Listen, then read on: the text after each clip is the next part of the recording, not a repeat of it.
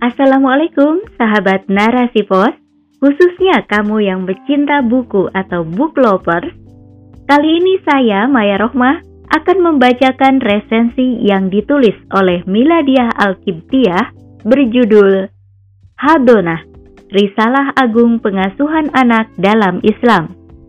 Buku ini ditulis oleh Muhammad Iwan Januar, disunting oleh Abu Fatan, diterbitkan oleh Al-Azhar Fresh Zone Publishing, terbit pada bulan November 2018, setebal 122 halaman.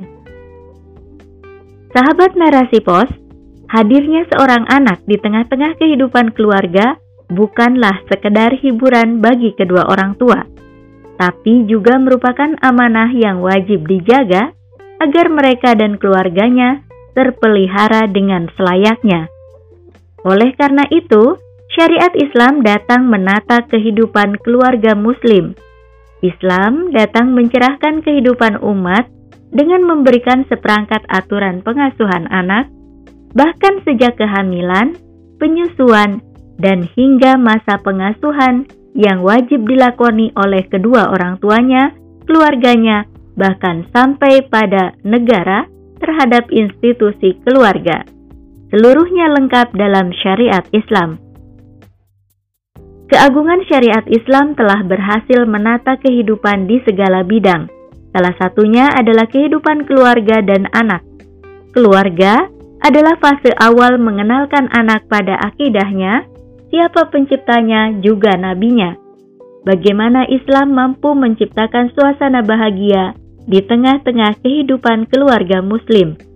Keluarga yang bernaung di bawah syariat Islam senantiasa berada dalam keridoan Allah, tentram dan penuh kehangatan. Buku ini hadir sebagai sumbangsih ilmu, pemikiran, serta amal untuk membantu keluarga Muslim membangun ketahanan keluarga yang kokoh. Orang tua diberikan kewajiban memelihara keberadaan anak secara lahir dan batin Anak-anak pun menempati posisi yang nyaman dalam keluarga dan masyarakat sebab menjadikan syariat Islam sebagai pondasi kehidupannya. Pemeliharaan yang penuh kasih sayang pada anak-anak telah dicontohkan oleh Nabi Shallallahu Alaihi Wasallam dan para sahabat di dalam kehidupan mereka. Buku ini menjelaskan tentang kewajiban suami menegakkan kepemimpinan Suami adalah pemimpin yang akan menjadi nahoda pengarah laju keluarganya. Begitupun menjadi penjaga ketaatan keluarga pada agamanya, yaitu Islam. Kepemimpinan laki-laki di dalam rumah tangga sangat urgent karena posisinya yang senantiasa mengingatkan istri ketika lalai dari tugas dan tanggung jawabnya sebagai ibu. Para suami tidak boleh mengabaikan perannya sebagai pemimpin, apalagi menyerahkannya kepada istri.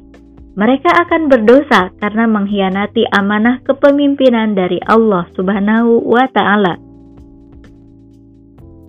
Buku ini juga menjelaskan kewajiban istri sebagai umu warobatul bait.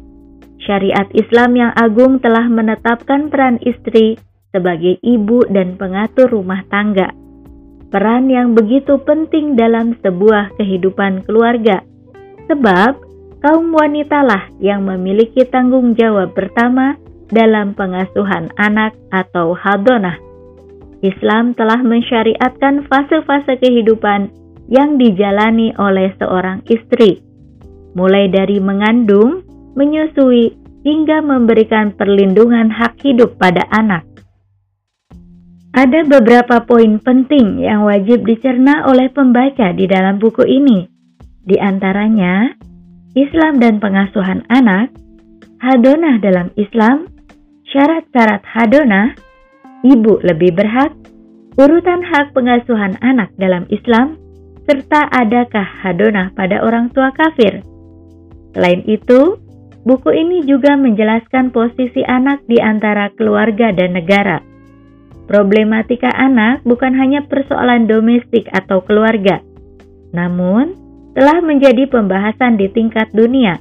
Dalam hal ini adalah ranah negara. Pemerintah wajib bertanggung jawab atas kondisi setiap anak yang terlahir ke bumi. sebagaimana yang pernah terjadi pada kepemimpinan Umar bin Khattab. Buku ini sangat direkomendasikan bagi pasangan suami istri atau bakal calon istri atau ibu, sebab dijelaskan secara komprehensif bahwa hanya Islam satu-satunya agama yang paripurna yang memandang persoalan manusia selayaknya manusia. Persoalan keluarga juga menyangkut persoalan sosial, ekonomi, pendidikan, hingga ketahanan dan kedaulatan sebuah negara. Karena itu, umat membutuhkan syariat Islam sebagai pengatur dan penata kehidupan masyarakat, keluarga, dan pendidikan anak. Daulah khilafah mampu memenuhinya sebab ideologi Islam yang diterapkannya. Sebuah ideologi yang ramah pada anak, syariat yang ramah pada anak, serta negara yang ramah pada anak. Demikian resensi buku kali ini. Sampai jumpa dalam rubrik berikutnya. Assalamualaikum warahmatullahi wabarakatuh.